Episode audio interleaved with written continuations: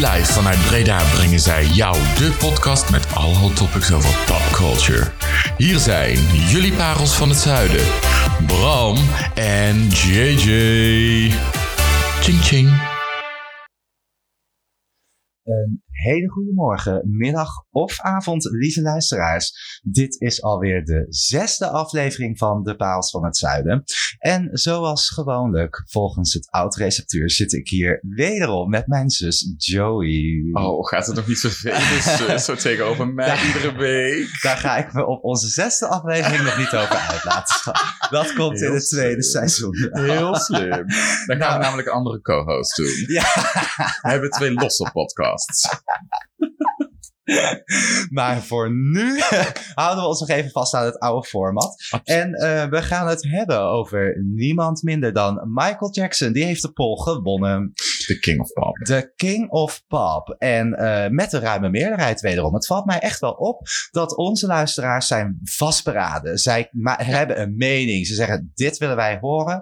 En eh, dat is voor ons heel fijn natuurlijk. Dus dan kunnen wij er ook lekker in duiken. En ehm, nou, als, eh, ja, jij hebt, ben- bent best wel ingedoken volgens mij. Ja, ik ben natuurlijk een hele grote King Nou, of Pop fan. Ik heb alles van Michael Jackson. En dan, ja, ik denk dat ik dat wel kan zeggen, echt alles. Ik denk dat mijn ouders ook naar twee artiesten nooit meer willen luisteren. Oh. En dat is naar Michael Jackson en naar Madonna. Die kunnen ze volgens mij niet meer horen. Nee, nee, nee, nee. Nou, wij gelukkig nog wel zo. You're about to tell us. What happened? Oh, hey kitty girl, what happened?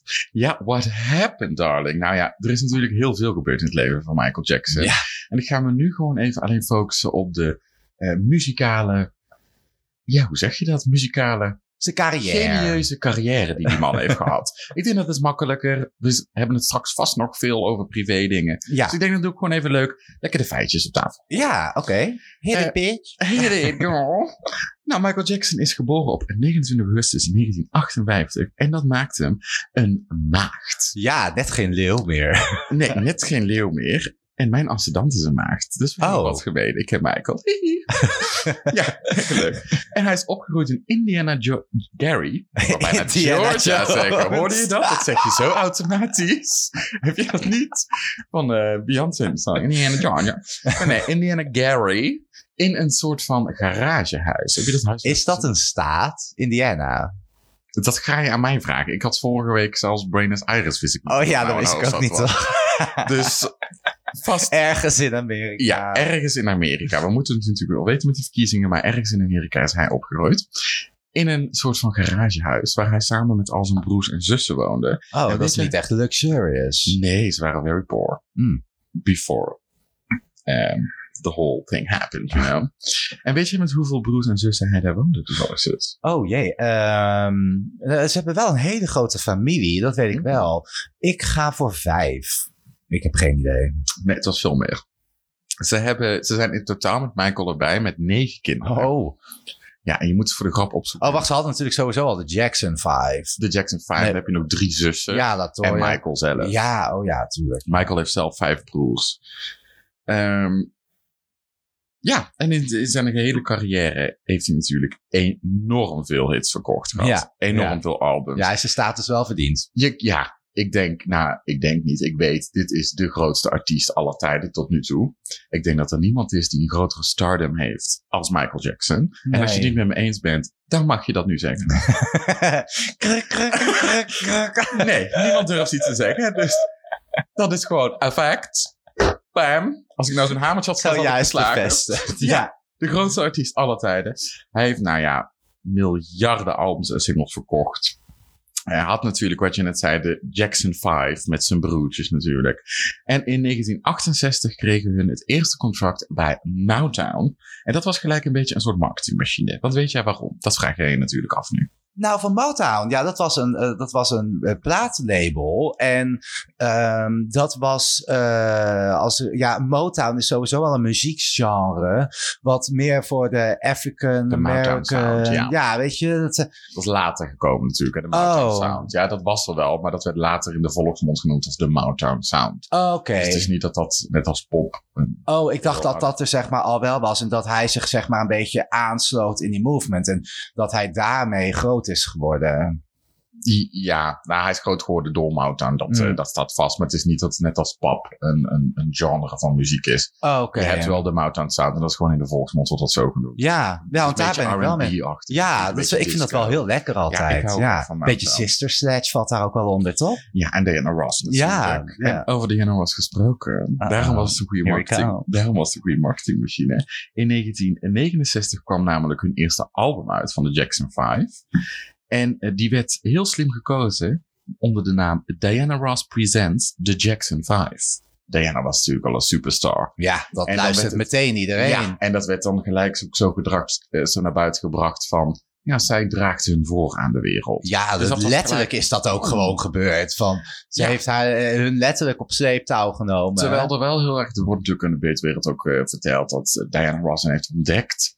En dat verhaal heb ik op internet al wel meerdere malen tegengeluiden van gehoord. Dat dat wel echt dus die marketingmachine is geweest die dat Ja. eh, heeft gesuggereerd. Dat dat dus niet helemaal zo is. nee. Ze zitten bij hetzelfde label. En het is natuurlijk makkelijk te marketen als je al een superster erbij Ja. zet. Ja, precies. Maar het is eigenlijk niet zo dat zij hen heeft ontdekt. Het is wel uniek, want je kunt je nou toch ook niet voorstellen dat, dat Madonna bijvoorbeeld een album maakt van eh, Madonna Presents en dan eh, weet ik Ja, een Klaasje. dat- nee, dat zou je Dat nou gebeurt nooit. Dat Nee. is toch raar? Ja, in die tijd kon het allemaal. Ja. Goeie oude tijd is schat. Dan kon Ja. je nog zo lekker gepromoot worden. Ja, nou best brutaal, maar het heeft wel gewerkt. Eh, ook een heel leuk feitje. Twee, twee jaar later, in 1971, ging Michael voor het eerst solo. Dat is dus al vroeg. Toen was hij pas 13 jaar. Twee jaar later nog maar. Ja, veel mensen weten dus, dit dus eigenlijk niet. Want die denken dat hij de hele tijd eh, door heeft gebracht met de Jackson 5. Ja, en dat, ging ook door, hè. Maar toen heeft hij echt zijn eerste solo-album uitgebracht. Waar nummers op stonden als uh, Rockin' Robin. Rockin' Robin. Blik, blik, blik. Ken je die niet? Eh, Got to be there en Ben. Ben kent het wel. Ben de us. Ken je die ook niet? Nee, sorry. Nou, Ja, eh, dit gaat de hele podcast zo door, lieve mensen. Ik weet helemaal niet zo heel veel van Michael Jackson. eh. dan wordt dit voor jou een hele leerzame podcast. ja, ja. Alleen voor jou al. Fijn.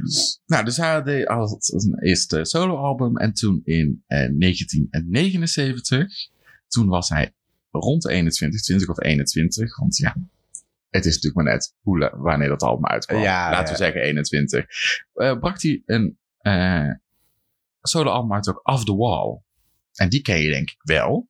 Eh, dat, daar staan nummers op als Don't Stop Till You Get Enough, Rock With You. Oh, ik zat aan fans te denken. Fans Off the Die Wall. schoenen. Nou, die ken ik niet. Ja, ik ken de schoenen wel, maar die link had ik niet gelegd. Dus Don't Stop Till You Get Enough, Rock With You, Off The Wall, She's Out Of My Life. Komt hij ook niet bekend voor? Nou, dan gaan we gewoon lekker door naar het volgende album. Ja, Want dit sorry. komt- nee, want dit komt jou wel bekend voor. Want toen kwam in eh, 1982, en tussendoor had hij natuurlijk nog wel ook albums met de Jackson 5. Het lijkt me best wel raar voor die andere vier dan. Want als jij weet, zeg maar, oké, we doen dit met z'n vijven. Maar jij gaat ondertussen ook een solo carrière beginnen. En wij blijven maar hier achter. En soms kom je terug en moeten we nog even met jou optreden. En daarna ga je weer lekker alleen verder. Ja, Dat is toch bitch. Raar? Luister, bitch. Ja, lijkt me, ja, ik zou dat niet echt leuk vinden. Ja, volgens mij, ik. I would be a jealous Jackson one. nou, er waren er ook heel veel. Echt Ja, Jermaine tuurlijk. Jackson. Waarom krijg ik geen solo carrière? Nou, dat was de, ik- na de Jackson 5 heb je de eh, rest van de Jacksons eigenlijk, de broers, niet echt meer grote succes gehad. Ja, Jermaine heeft nog wel een paar hitjes gehad, maar ja, die hebben niet zo'n carrière wat aan eh, gelijk staat aan hun tijd van de Jackson 5 Nee. natuurlijk. nee. Maar 1982, en deze ken je echt. Dat als je die niet kent, dan mag je nu stoppen met de podcast en dan ga je nu de deur uit. Toen ging hij samenwerken met Quincy Jones aan het album A Thriller. Oh, nou ja, dat komt geloof ik wel bekend voor mij. Don't Heel worry. goed. Nou, dan mag je blijven zitten, vriendin. Dan mag je blijven zitten. Ah, ik denk dat ik die ook niet hoef uit te leggen. Het is Wel, natuurlijk nee. Een baandoorbrekend album. Ja, en Records verbroken. Ja. Alles erop en eraan.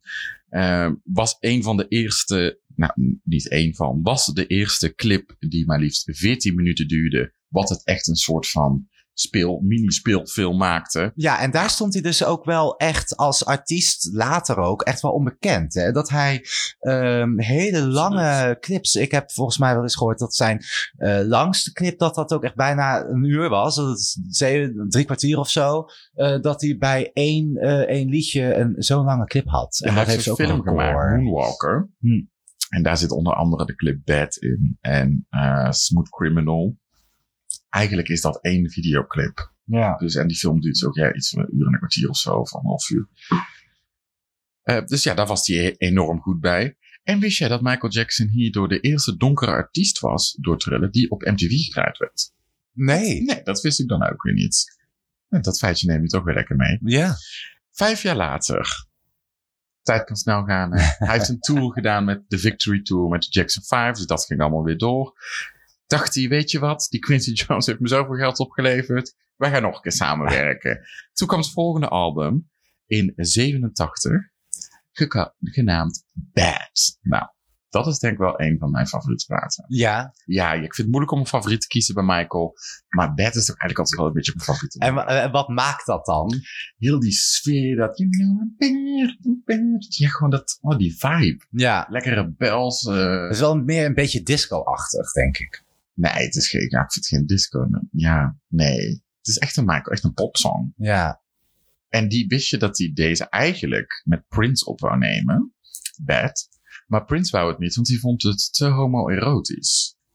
Moet Dat ze Prince ook- zeggen. Nou, dat dacht ik dus achteraf ook. Dat ik dacht, Ja. nou, dat jij dat zegt. Maar Ja. die heeft dus daarom dat duet afgewezen. Want hij zegt, nee, ja, dan eh, gaat eigenlijk iedereen denken dat ik op mannen val. En Zijn dat eigenlijk ooit, want nu je het zo zegt, Prince en Michael Jackson komen uit dezelfde tijd. they hated each other.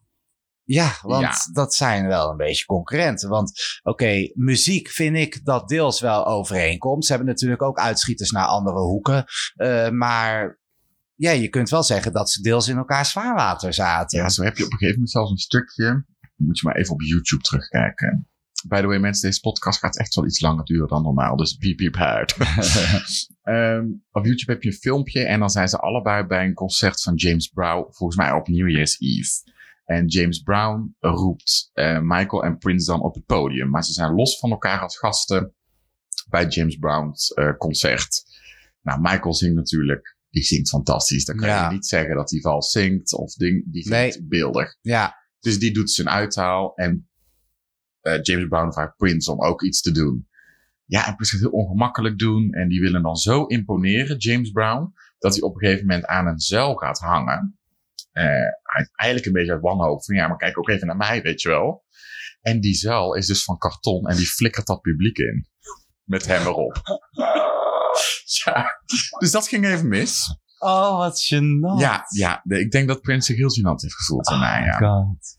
Maar ja, Ja, maar die lagen elkaar dus niet. Dat wist ik Nee, eigenlijk die lagen niet. Elkaar niet heel eh, goed. Nee, nee. nee, het was een beetje wel eh, een, eh, een diva. Eh, Ja, maar weet je, there can only be one king. ja, nou, dat, Ga ik dat gedrag? ja. Ja, dat een beetje. jammer eigenlijk. Ja, ik had een samenwerking met die twee echt wel zien zitten. Twee legends. Ja. Ja, Madonna nog bij, dan heb je heel de jaren tachtig te pakken. Ja, ja, klopt. Dat zijn de enige drie. eh, Helaas, het zal nooit meer gebeuren. In 1991, we maken weer lekker even een sprongetje van vier jaar. Toen kwam het eh, Dangerous album uit. Eh, daar stonden de hits op Remember the Time, Jam, Keep It in the Closet, Heal the World en Black or White. Black or White heet het. Doesn't matter. Ja, ik zat te wachten. Wanneer komt er nou een die ik Ja, ken? nou, die ken je.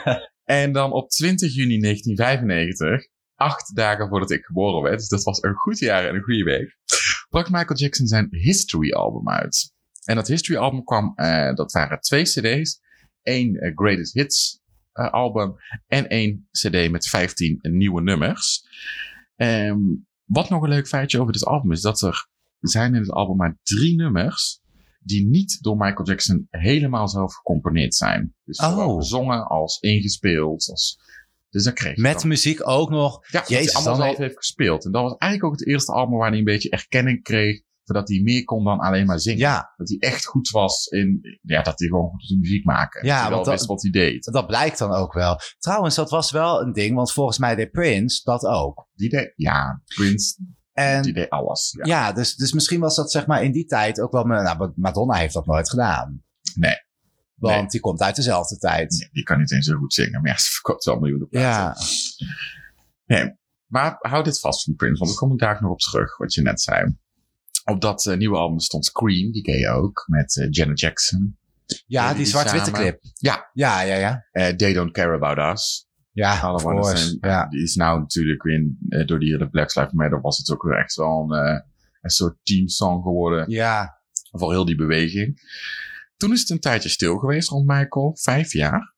En eh, toen kwam zijn Invincible album uit in 2001. En dat was zijn laatste studioalbum. Daarna was het klaar.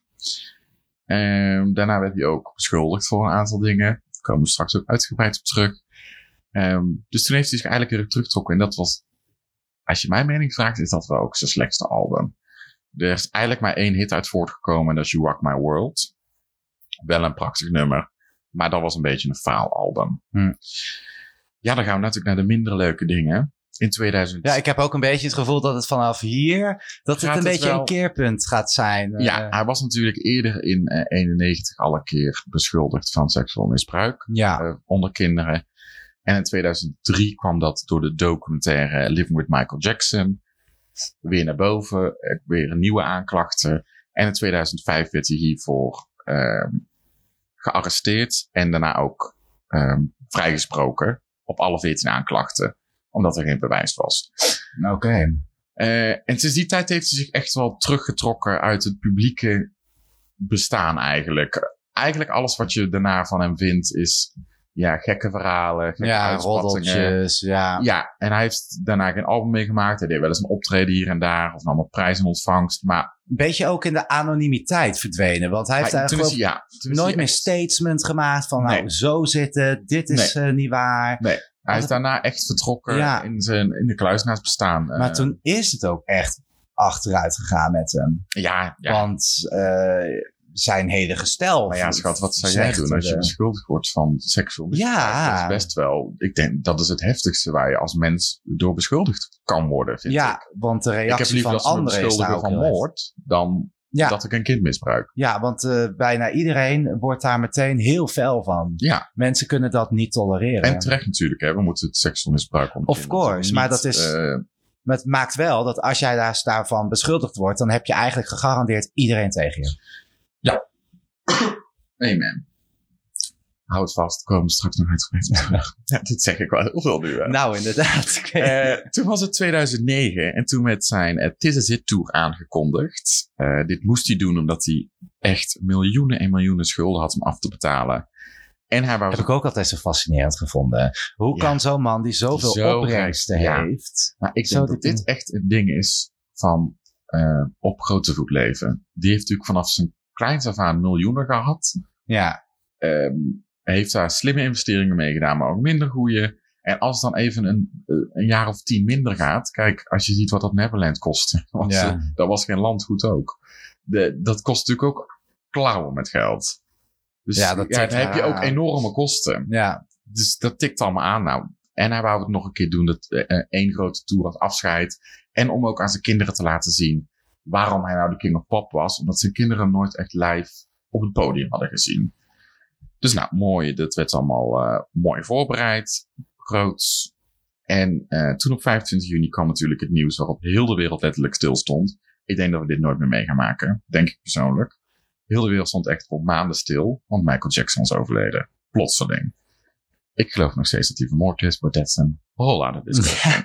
daar, ga ik me dus, daar ga ik me vandaag Daar niet zijn aan ze ook nog steeds niet over uit. En er wordt nog steeds over gespeculeerd. Ja, die acht is wel opgepakt. Hij is nou ondertussen volgens mij vrij. Maar die is wel ehm voor moord opgepakt. Maar het is wel een voorzichtig statement dat ze hebben gemaakt van... ja. Is het moord of niet? Nou, ik denk van wel. Maar er zijn genoeg complottheorieën die daarover gaan. Dat het wel zo is door Sony.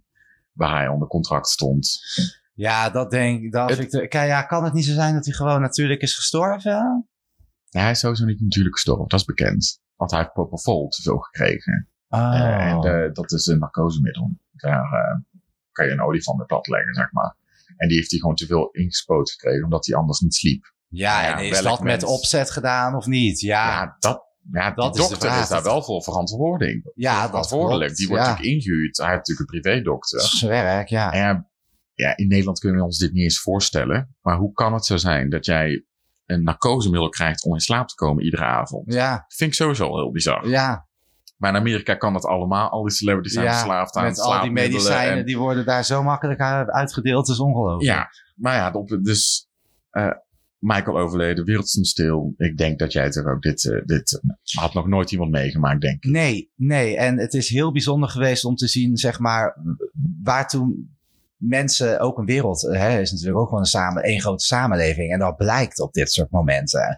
Die uh, Michael Jackson heeft zo'n impact gemaakt op, op de, gewoon de gehele bevolking. En als zo'n man dan komt te overlijden, is het heel bijzonder om te zien hoe iedereen op dat moment toch het, door hetzelfde heen gaat. Door, door dezelfde gevoelens heeft en dezelfde emoties loskomen. Ja. Um, er komt dan echt een verbindenis uh, tussen echt nou ja, iedereen eigenlijk. Ja. Die weet wie Michael Jackson is. En dat is Ik denk dat ook ja. iedere mens op aarde wel een nummer van Michael goed vindt. Dat iedereen wel een nummer kan bedenken van, maar dit vind ik echt een tof nummer. Ja. Hij heeft natuurlijk zulke hits gemaakt en zoveel muziek wat iedereen wel op één manier raakt. Ja. Uh, ja, dat, dat, dat, zo'n artiest staat maar één keer in de zoveel tijd op, zeg maar die krijgen we in de komende twintig jaar niet meer. Nee, dan moet eerst onze hele maatschappij weer zo gaan Ja. veranderen dat die weer een beetje lijkt op vroeger. En Ja. dan kan zoiets weer komen. Die man Maar heeft zoveel nu, bereikt. nee, ja, nu is iedereen beroemd voor 10 minuten. Hè? Dat was toen nog niet. Ja, nee, dat was toen nog niet, nee.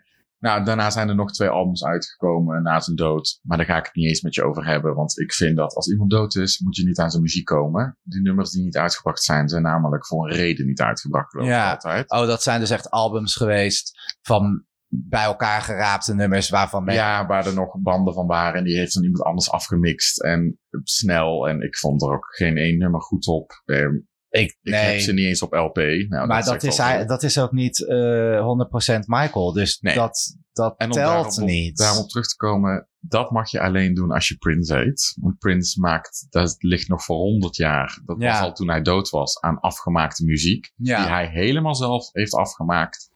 Hoe hij het voor zich zag als Ja. kunstenaar. Dan mag je albums uitbrengen. ja, Zo niet, drop it. ja. En laat gewoon wat het is. Want hier, ja, dit Ik vind het altijd een beetje eh, hebberig, eh, want dat is natuurlijk die familie geweest. Hè? Daar is dat eigendom ook heen gegaan. Of is Ja. dat van die Nee, de Jackson is. Ja, en, en dat hun daar dan ook nog een slaatje uit willen slaan. Ja, ehm, over zijn letterlijk eh, his dead body. Ja, nee, dat eh, vind ik. Respecteer dat.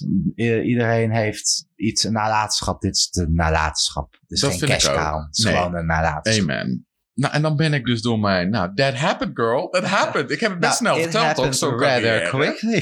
Dat vind je niet? Ik vind dat jij je best hebt gedaan. Ja. Als ik in dat tempo ga, dan ben ik na een minuutje al klaar met mijn gossip en truth. Nou, oh ja. nou, dat, eh, daar, eh, ja, daar eh, ga ik het nu eventjes over hebben. Ik heb vier stellingen voor je bedacht. En ehm we're about to find out wat de gossip is en wat de Oh, truth I can't is. wait. Zal ik je even slaan? Ik wil ze gewoon allemaal goed hebben. nou, ik denk dat... Wat had ik ook alweer? Je had de vorige keer er een vier.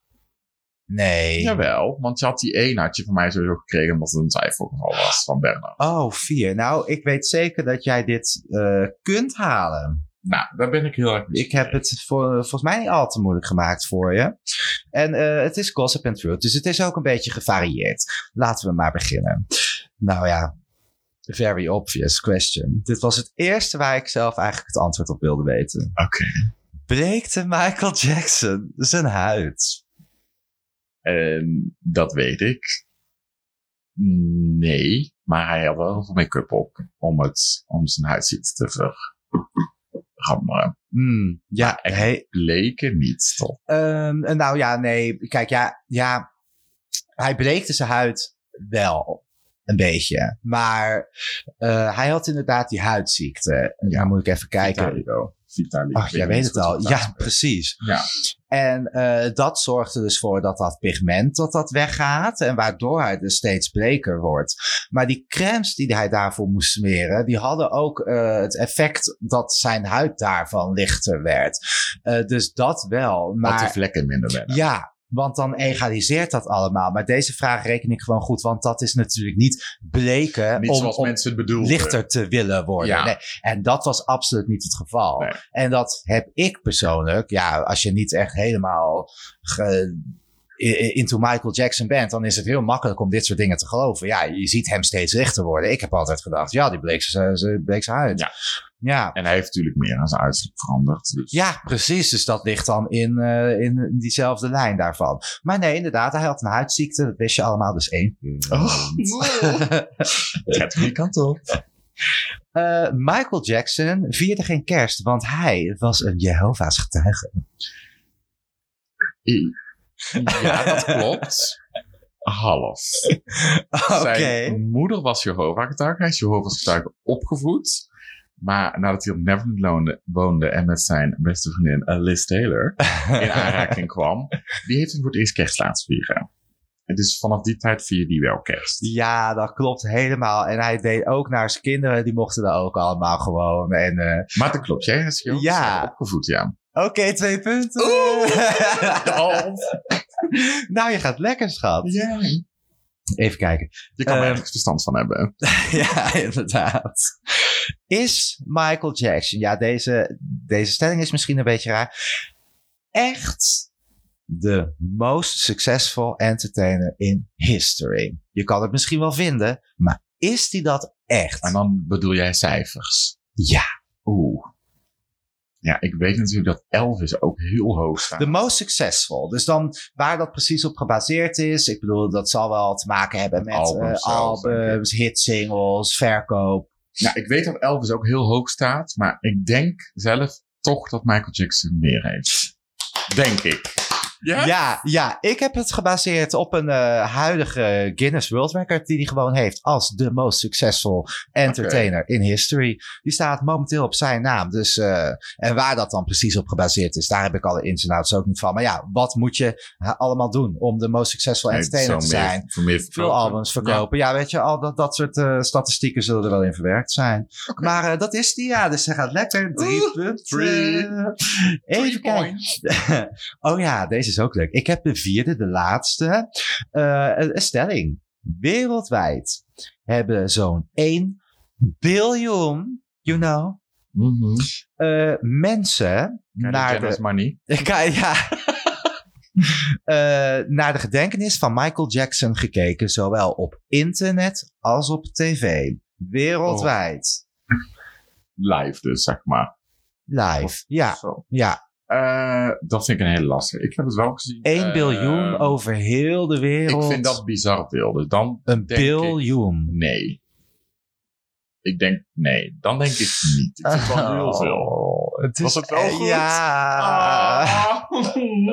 Bijna alles goed. schat. Ja, een biljoen. Het is ook belachelijk veel. Kijk, ik geloof dat wij nu...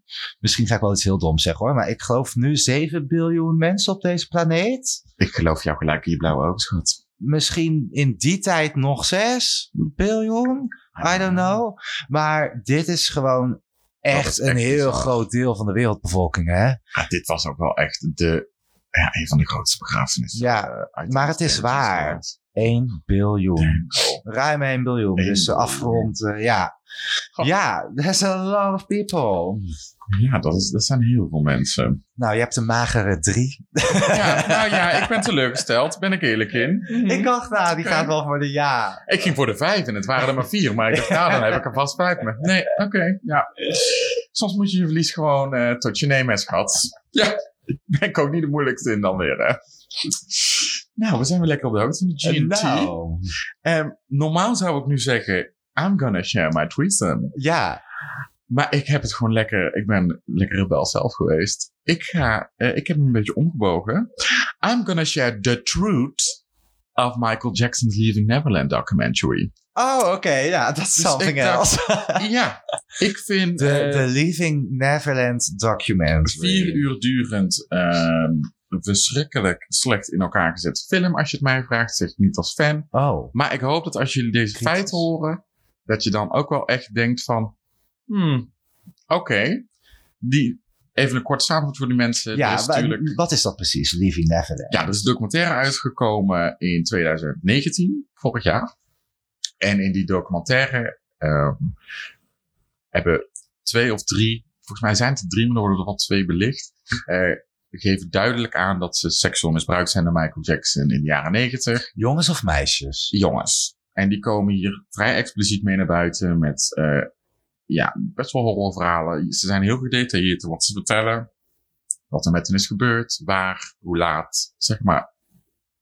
They share every detail. Maar dat is zeg maar een beetje de kern van die docu. Dat gaat over eh, Het beschuldigen van Michael. allegedly eh, seksueel misbruik. Ja, Ja. En eh, ja, je maakt er uit van om. als je het hoort, ook, ook bij mij. Ik heb vier uur uitgezeten. Het is een eh, pittige pil. Maar voor mij, eh, ja, ik kan toch wel zeggen dat ik heel veel van Michael weet. Ehm, bij dit soort dingen blijven natuurlijk wel altijd, je bent niet in de kamer, dus je weet ook niet wat er gebeurt. Met die zin ben ik het eens. Maar ik ga er toch even, in plaats van een fun podcast, het even wat serieuzer insteken, omdat er zoveel fouten in zitten, die ik toch gewoon wil dat mensen dat weten. Oké. En dan mag iedereen daarna zelf bepalen voor zichzelf. Vind ik eh, deze feiten gegrondigd?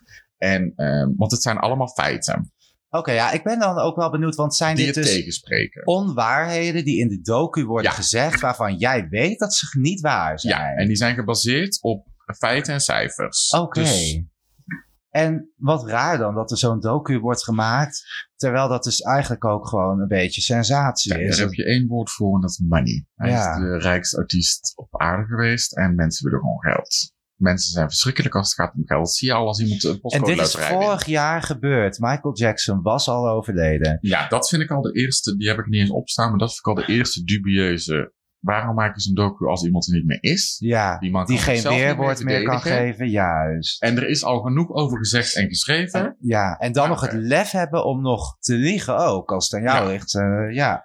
Dus dan begin ik, ik ga gewoon gelijk beginnen. Ik begin bij het, ehm, bij het minste feitje, dan wordt het steeds, Dramatische. nou ja, steeds realer, laat ik het zo Of zeggen. controversiële. Hij moet er weer even. Controversieel. Ja, nou, dit is sowieso een controversieel onderdeel gaat het worden. Dat kan ik je vertellen. Ehm, in de documentaire komen James Safechuck en eh, Wade Robson aan, aan, aan het woord, samen met hun familie. En eh, ze vertellen in het eerste gedeelte van de documentaire hoe ze Michael hebben ontmoet. En in de tweede documentaire gaat het vooral over hoe ze seksueel misbruikt zijn. Nou heeft James eh Safechuck zeker onderzoek gedaan. Want alles wat hij, nou alles wat hij zegt, veel dingen die hij heeft gezegd, ehm, en dan hebben we het over gedetailleerde eh seksueel mis, misbruikingen, zijn terug te halen uit een boek van een pedofiel, Victor, en dan ga ik het heel fout zeggen, want ik kan geen Spaans, Gu- Gutierrez? Gutierrez? Nou, je, Victor, laten we hem even gewoon Victor noemen. Die heeft in eh 1993 een boek uitgebracht. eh, wat gebaseerd was op de eerste zaak van het seksueel misbruik van Michael. En dat boek heette Jordy Chandler, The Jordy Chandler Case. En het was eigenlijk een soort, het wordt gezien een soort van Fifty Shades of Grey voor pedofielen. Oh, Het boek zou gebaseerd zijn op een geheim dagboek van Jordy Chandler, de jongen die als eerst seksueel misbruikt is door Michael, wat ze beweren. Hm. Ehm, Die zou daar een dagboek over hebben geschreven. ja, en daar heeft hij dan ook. Dat, dat dagboek is er natuurlijk nou niet meer. Dat dagboek is ook nooit gevonden, want dat is het grappige. De familie Chandler, die dit alleen maar voor geld heeft gedaan. Dat laat ik het sowieso zeggen, want die hebben 20 miljoen gekregen. Wat Michael Jackson niet zelf heeft betaald, maar een verzekeringsmaatschappij. Omdat Michael geen euro wou overmaken, omdat hij dan schuld zou eh, Erkennen, erkennen ja. En er wordt in de media gezegd, ja, Michael heeft die familie toen 20 miljoen zwijggeld betaald. Michael heeft niks betaald. Maar oké, dat kan je ook allemaal feitelijk terugvinden. In ieder geval, die familie heeft toen dit boek uitkwam zelf gezegd, wij doen afstand van alles wat in dit boek staat. Het is onwaar en dit is op pure fictie eh, gebouwd. Nou, lijkt me duidelijk, toch? Ja, Als jij als familie Michael wel aanklaagt, maar je doet van dit boek afstand. dan ontkracht je ook dit hele verhaal. Ja. Nou, James Safechuck dacht, dit boek, dat weet vast niemand meer. En daar staan dus zoveel geluiden in die letterlijk in dit boek staan, die hij zegt in zijn verklaringen. Ehm, dit kan je heel erg goed zien in de documentaire, die, die ontleden dat helemaal, dat boek ook. En Neverland First Hand staat op YouTube. En ehm, ja, daar staan, eh, ik ga geen gedetailleerde dingen hier bespreken, omdat het gewoon, ja, ik, het waren best chockerende dingen en ik vind het niet nodig om dat nu op te halen. Maar je kan, ik kan je verzekeren, er stonden heel veel dingen daarin die letterlijk in het boek stonden, dus die hij niet heeft meegemaakt waarschijnlijk, maar die hij gewoon goed heeft gelezen. Bedenk dan iets, weet je. Als je nog iets gaat En, verzinnen. Ja, nou, dat is één. Dan gaan we naar eh, puntje vier. Want we gaan natuurlijk rond de ah, ja. Eh, Mr. Wade Robson. Die probeerde al jaren door middel van verschillende rechtszaken geld te krijgen van de Jackson Estate. Maar dat is hem nooit gelukt. Dat doet hij al jaren. Hij, eh, hij was natuurlijk ook eh, als kind vrienden met Michael. Ehm, wil nu geld zien.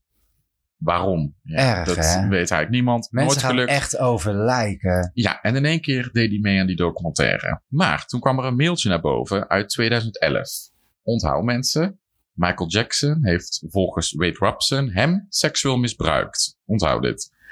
Toen kreeg de Jackson Estate een mailtje dat er een, er kwam een Circus du Soleil tour eh, als ode aan Michael Jackson en hij wou dit ehm, regisseren en de choreografie van doen. Als ode aan eh, Michael, zijn grote held en iemand waar hij altijd vriendschappelijk veel van heeft gehouden. Hoe kan je iemand die seksueel misbruikt een ode aan willen brengen? Vind ik een, vind ik een dubieus ding. Maar Dus wel ja, een beetje raar. Ik, ja, het zou kunnen, denk hij, ik wel. heeft, Maar hij heeft uiteindelijk niet gekregen, de, de baan. Eh, die is naar ehm, Jamie King gegaan. Toen is hij naar Julian's Auction gegaan. Dat is een auction site in Amerika die heel veel celebrity ehm, ja, spullen opkopen en dat dan veilen. Daar heeft hij anoniem een hoed en een eh, handschoen aangeboden van Michael, omdat hij geld nodig had. En daarna is hij een documentaire gaan eh, beginnen. Dus zegt ook wel weer wat. ja, wat en hij zegt dat hij niks betaald kreeg, maar oké.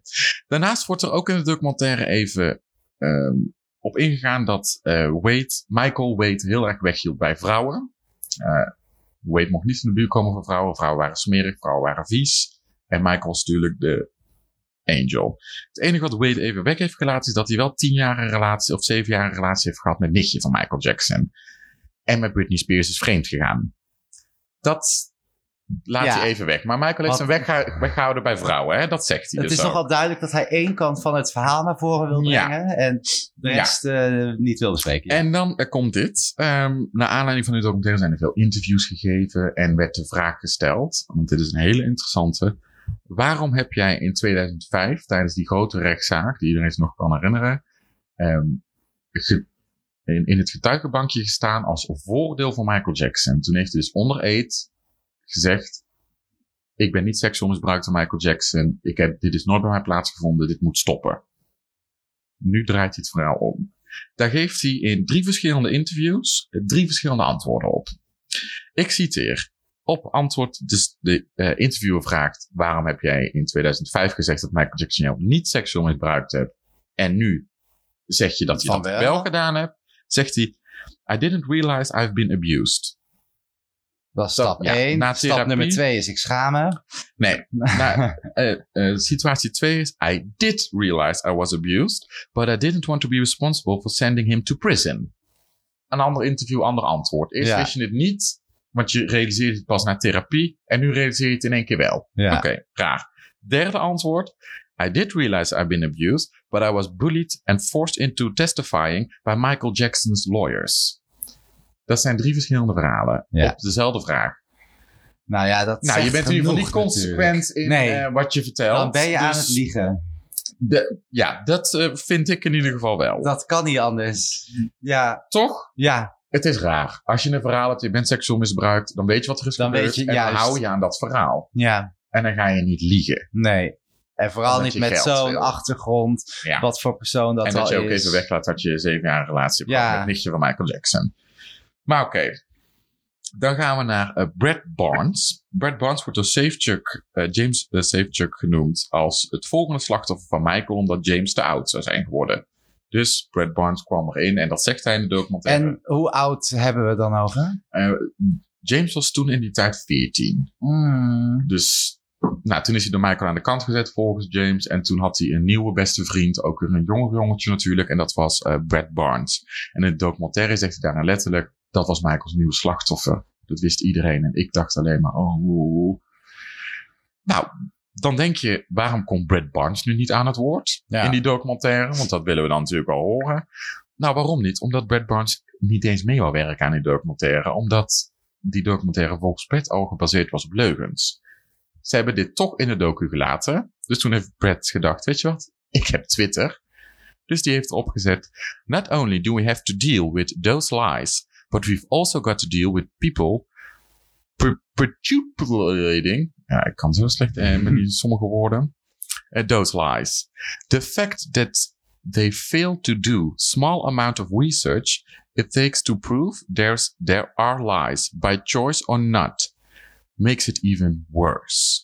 Oké, ik snap het, maar ik vind wel, als jij niet uh, een slachtoffer bent geweest van Michael Jackson, zeg dat gewoon dan. Uh, je weet dat het wel zo wordt gedaan in die docu. Uh, waarom dat zegt hij nou ook, hè? Ja, maar hij draait, nee, hij moet gewoon zeggen, I have never been abused, abused by Michael Jackson. Ja, nou dat heeft hij dus daarna dat... gedaan, want hij heeft die documentaire aangeklaagd.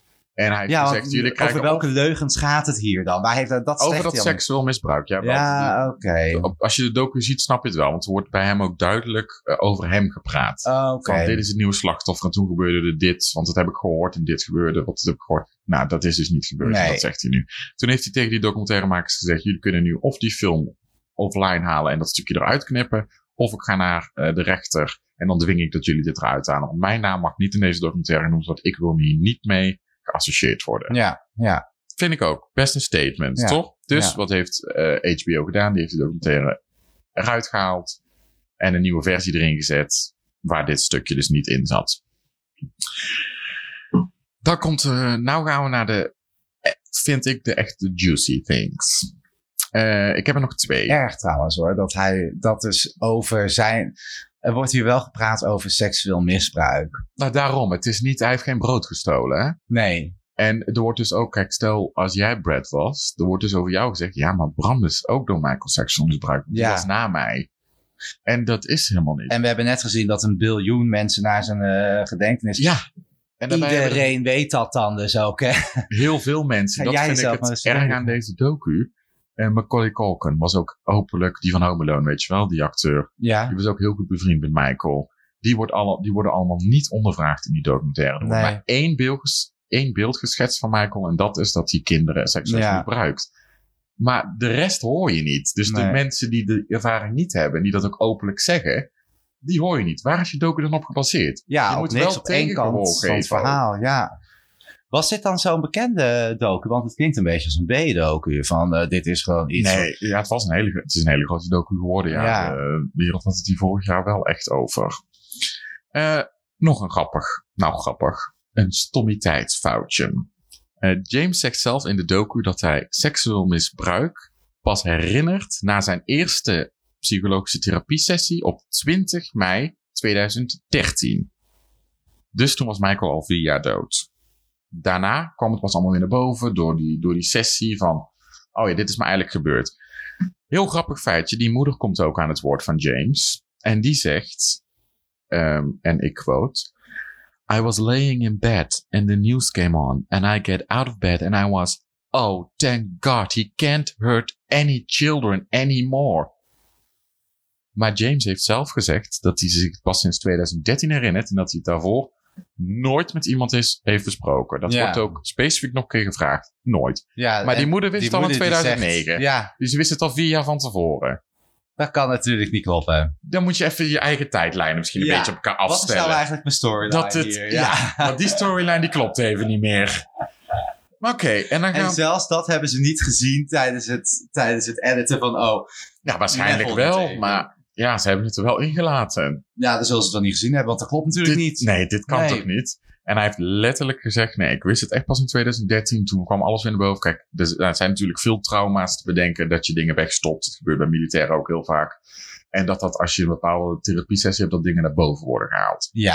Maar ik vind het wel knap dat je moeder het al in 2009 zich herinnert. En ja. jij pas in 2013 zit toch vier jaar tussen. Kan ja. veel gebeuren in vier ja, want als jouw moeder dat dan weet, dan gaat zij daar zelf toch ook over praten. Je, het is niet zoiets, want dan zou je nog kunnen zeggen, nou misschien heeft hij dat één keer verteld en deze daarna nooit meer besproken. Maar je gaat niet tegen je moeder zeggen, goh, ik ben seksueel misbruikt. Oh, oké. Okay. Dan vervolgens nooit meer over hebt, alsof er niks is. En dan vervolgens door een psycholoog moet herinnerd worden, een beetje zo opgraven. Uh, goh, hoe was dat nou eigenlijk, dat seksueel misbruik? En jouw moeder zit daar gewoon uh, ze, ondertussen niks te doen. Zo. Ja, dat kan niet. Nee, het is, het is gewoon een leugen. Het is Want anders, anders heb je het verhaal wel straight, toch? Ja.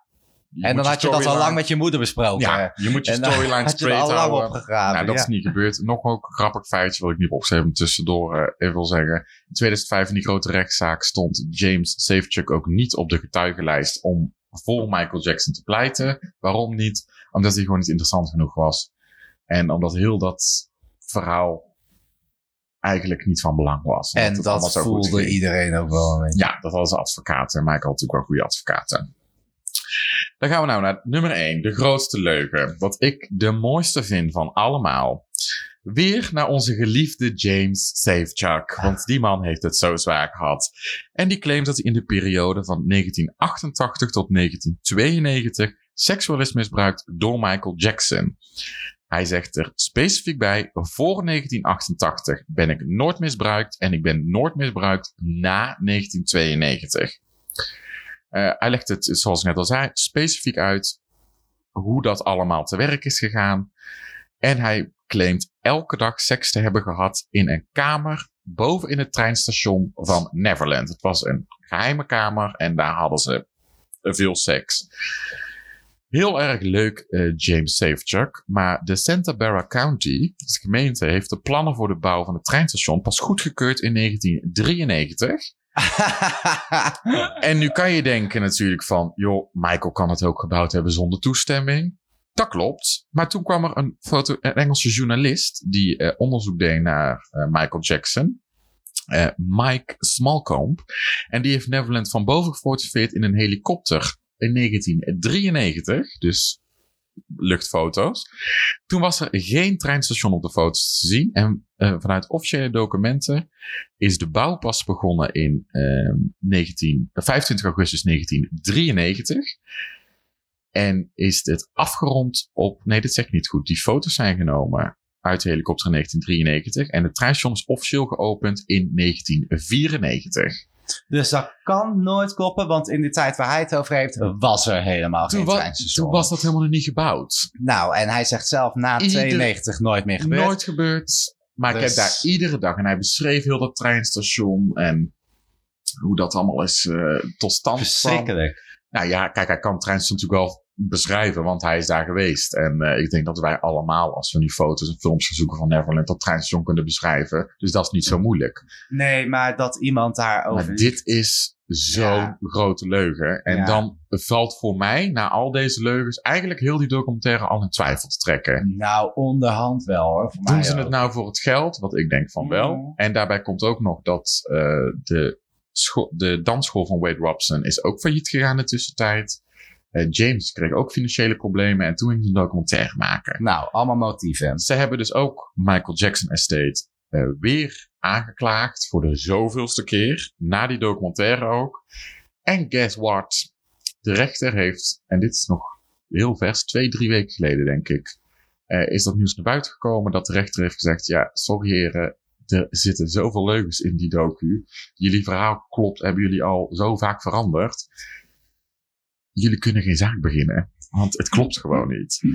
Amen. En daarmee heeft de rechter ook voor gezorgd dat er een soort, ik weet niet, precies, ik ben geen rechter, ik ben geen advocaat, maar die heeft ook gelijk voor gezorgd dat ze Jackson Estate nooit meer kunnen aanklagen op deze gronden, omdat het gewoon, het is bullshit. Kijk, dat is mooi. Maar daar hoor je de media dan weer niet uitgebreid over. Maar Nee. ik wou dat toch even gezegd hebben. Nou, en terecht. Free zet het maar even recht, eh, schat. Wat vind je er nou van? Nee, ik- dit allemaal hebt. Je- Jezus, ja.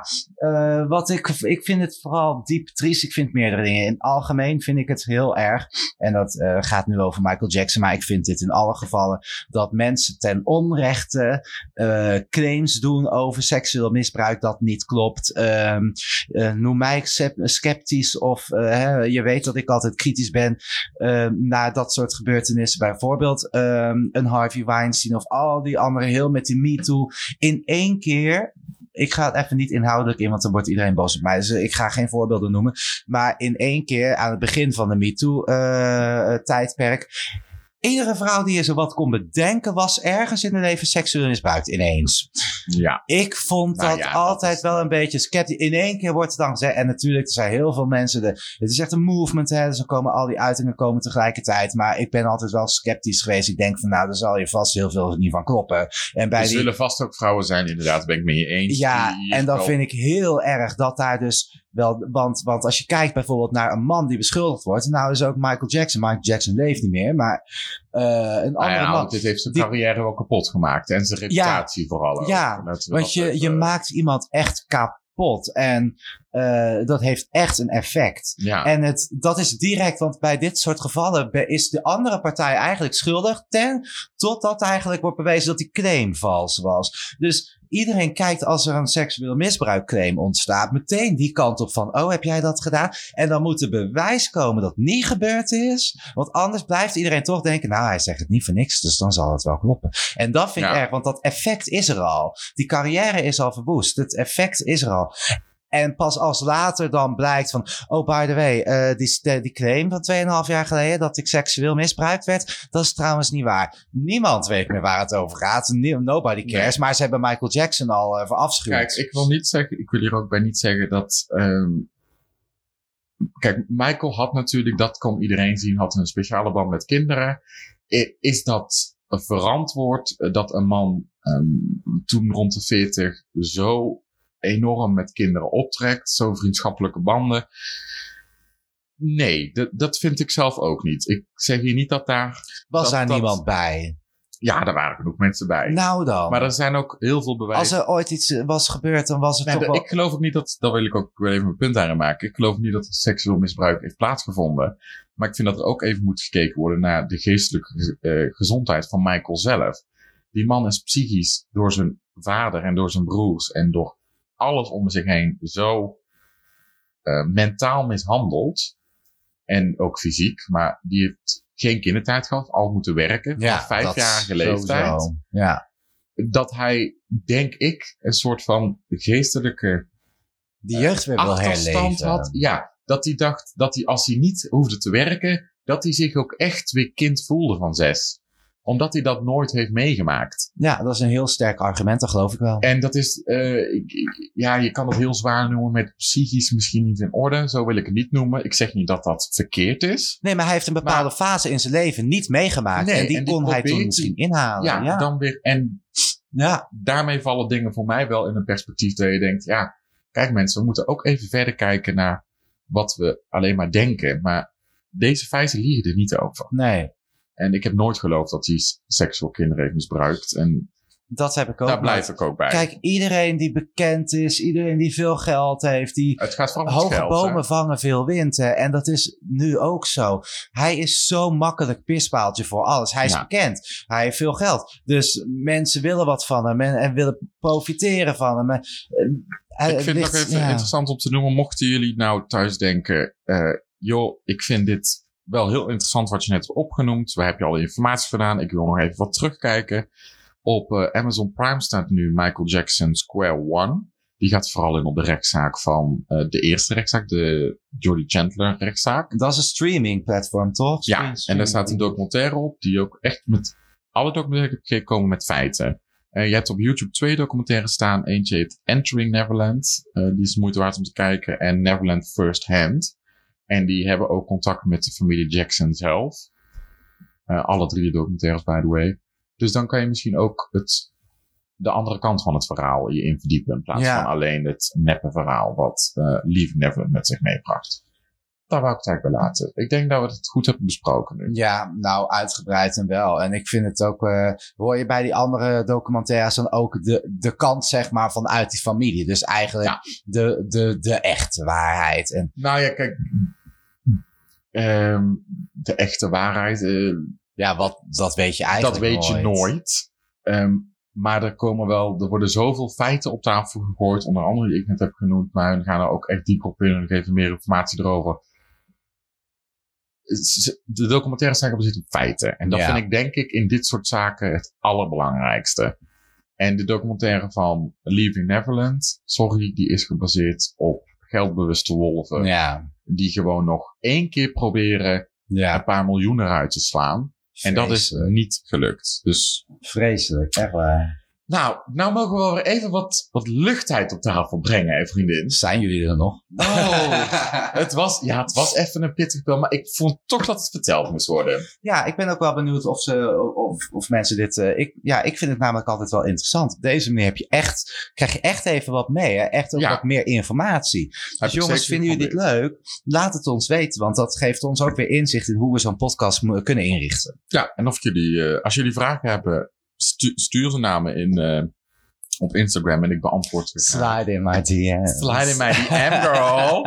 en ik beantwoord ze graag voor jullie, want ik, eh, Ja, ik vind gewoon dat Michael uh, gerechtigheid aangedaan moet worden. Absoluut, zeker. And let's enjoy his music for the rest of our lives. Now, Amen. girl, what are the Girl. iconic moments of MJ? Ja, Even wat luchtigs erin oh, brengen, hè? we gaan even ergens Geen anders over hebben, kindermisbruik meer, gewoon Nee, only fun. en weet je, we gaan het zelf zo luchtig doen. Ik Ja, had ik geen eens moeite om een categorie te bedenken. Ik heb gewoon een beetje de rommeldoos. Je hebt Ik- gewoon Van alles een beetje wat. heerlijk. Ja, gewoon omdat ik dacht, ja, Michael Jackson, Schat, divers. Er is van alles gebeurd. A lot of things. En ehm, het eerste wat bij mij in me opkwam. Want dat is dan wel weer het leuke aan deze categorie, hè, Iconic Het kan over van alles Het gaan. kan over van alles gaan, hoe jij het interpreteert, hè, lieverd. Inderdaad. En het eerste wat ik aan waar ik aan dacht was: oké, ik ga sowieso iets vertellen over Balcony Baby. Oh, blanket. ja, poor blanket. Ja, dat was een crazy... Bangeling van Four Stories. Ja, het was een crazy moment. was nog wel een crazy moment, ja. Nou, het Ik denk dat iedereen ook, als, als jij dit nu zegt, dit gelijk Iedereen weet het. Ja, ja, Ja. ik ook. En Ja. ik ben, en dat zei ik aan het begin al, ik ben, eh, ja, weet je, ik ben niet een Michael Jackson fan. En eh, ik weet ook niet veel van Michael Jackson. Maar Oh, nu wel. Maar ja, weet je, kijk, maar nu, nu wel, sowieso, eh, met jou als vriend, dan eh, denk ik dat je daar ook niet aan ontkomt.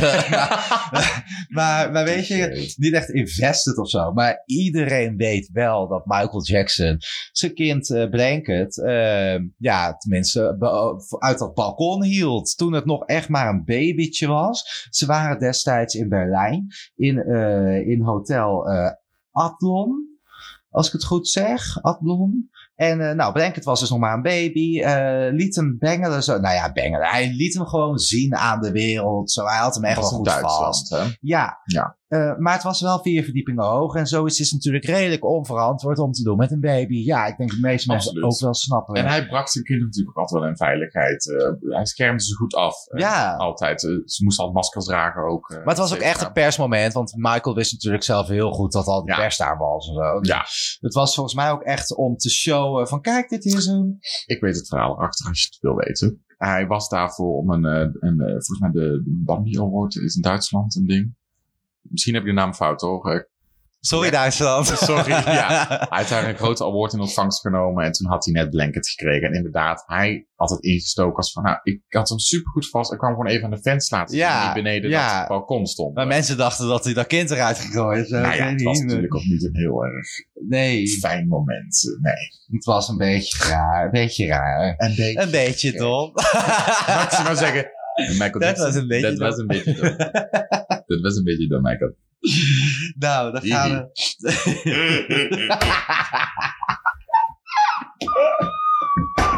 ik kan het niet laten. Ik Ik kan het niet laten.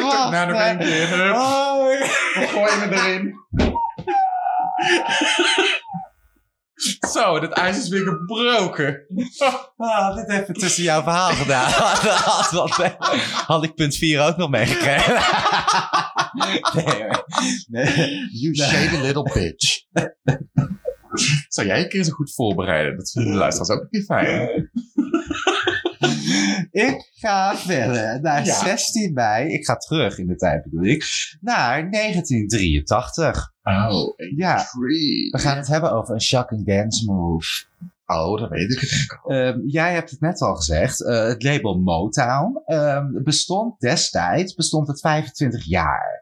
En eh, de zender NBC die had toen een show op dat moment uitgezonden om dus dat label wat dus zijn 25-jarige anniversary eh, vierde. ehm, die, die hadden daar dus ook een show van gemaakt. En toen zei Diana, stop in the name of love. Is dat zo? Dat is een liedje van schat. Ja. eh, Nou is nee, het nee. grappig. Nou. Oh, ik dacht, ik dacht je gaat een verhaal vertellen over... Oké, over there dat goes my ook in joke. dit optreden zat. Zei ik denk, jij komt met nieuwe informatie. Nee. Oké, geen flauwe grap meer maken nu. We zijn er bijna nog heel Bijna. even. Oké, nee, maar waar het zeg maar om ging is dat eh, Michael Jackson toen het nummer eh, Billie Jean, eh, dat ken je denk ik wel hè? Nee, ga je. Ja. Die was hij aan het optreden. En ehm, dit was eigenlijk het debuut, de lancering van de oh zo bekende Moonwalk. Oeh. Ja. En dit was eigenlijk, want dat is wel waar, de moonwalk was in die tijd al een, een dance move die zeg maar uh, on the streets al wel voorkwam. Ja? Hoor. Het is echt niet dat Michael Jackson die helemaal um, uitgevonden heeft. Nee, het kwam al wel voor. Je zag het toen ook al wel in, in, in wat ja, andere muziek uh, zag je het al wel voorkomen. Maar Michael Jackson, uh, Jackson heeft hem als het ware een beetje bedazzled. Want hij heeft dan de moonwalk gedaan. En daarna deed hij natuurlijk die signature uh, spin, dat pirouetje. Ja. En dat hij even zo op zijn tenen staat. Oeh, de. Ja, nou en daarmee is het natuurlijk wel echt een, een signature Michael Jackson Ja, danspasje ja, geworden. En dat samen met de witte handschoen die hij eh, die die aan had ehm, als outfit, was natuurlijk een fashion eh, keuze die ook zijn look voor de komende jaren eh, bepaald had. Dus dat is een beetje wel begonnen van, oké, de signature Michael Jackson look en, en, en danspasjes. Ja, dat, dat komt hier vandaan, 16 mei 1983. En weet je waarom hij die handschoen aan had? Maar één. Eh, iets met de microfoon of zo? Nee.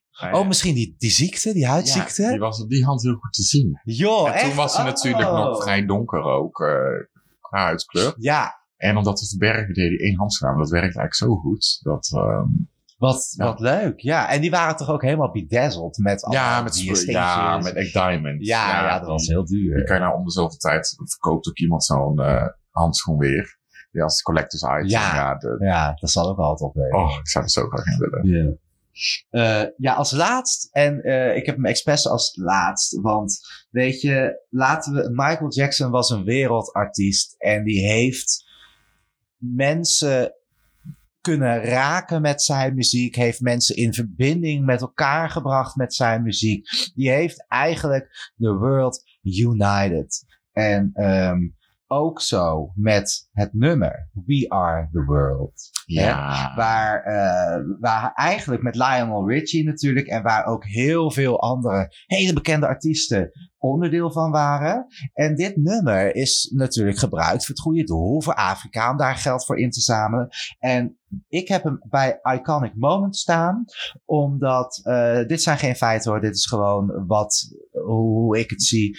Ehm, dat in, in dit geval werd dus die muziek ingezet voor iets anders dan alleen muziek maken om daar een popster mee te zijn. Muziek werd in deze ook gebruikt voor het goede doel, om, om echt een beweging in gang te zetten. En, en dat kan namelijk ook met muziek. En dat kan Ja, denk ik misschien wel het beste met muziek. Absoluut. En eh, dat is in dit geval zo gebeurd. En We Are the World, wie kent dat nummer niet?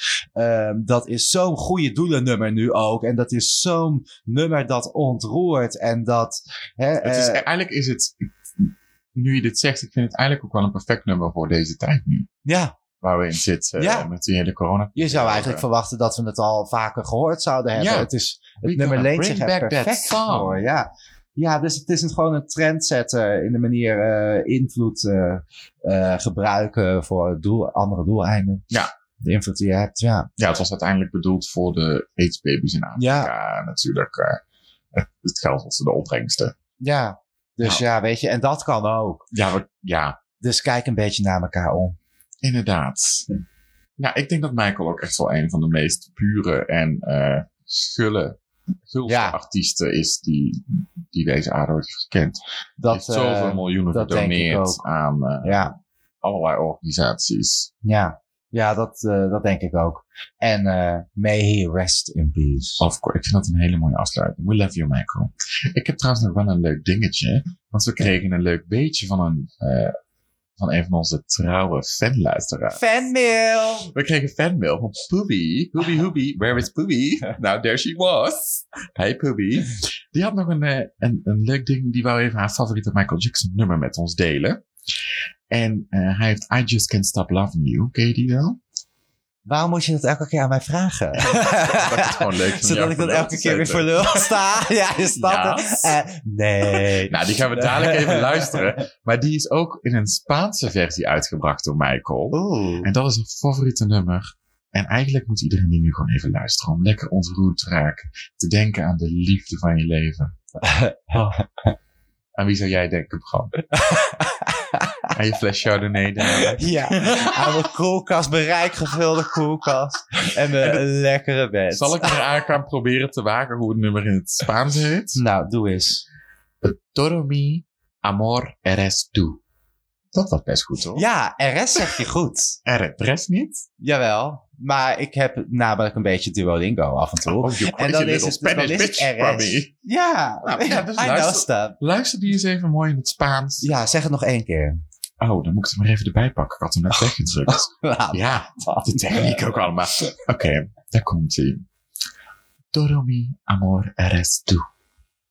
Oh, nou, ik zwijmel nu al weg en ik heb het nummer Ik- nog niet oh. eens opstaan. Schat, Nou, wij het jullie- fantastisch gedaan. Ja, en jullie hebben het ook fantastisch gedaan dat jullie dit helemaal hebben geluisterd, lieve luisteraars. We willen jullie heel erg bedanken voor het luisteren.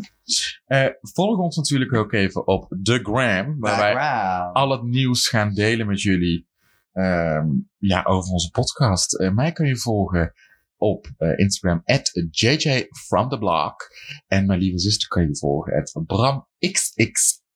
Ew. Ho. Nee, niet te ho.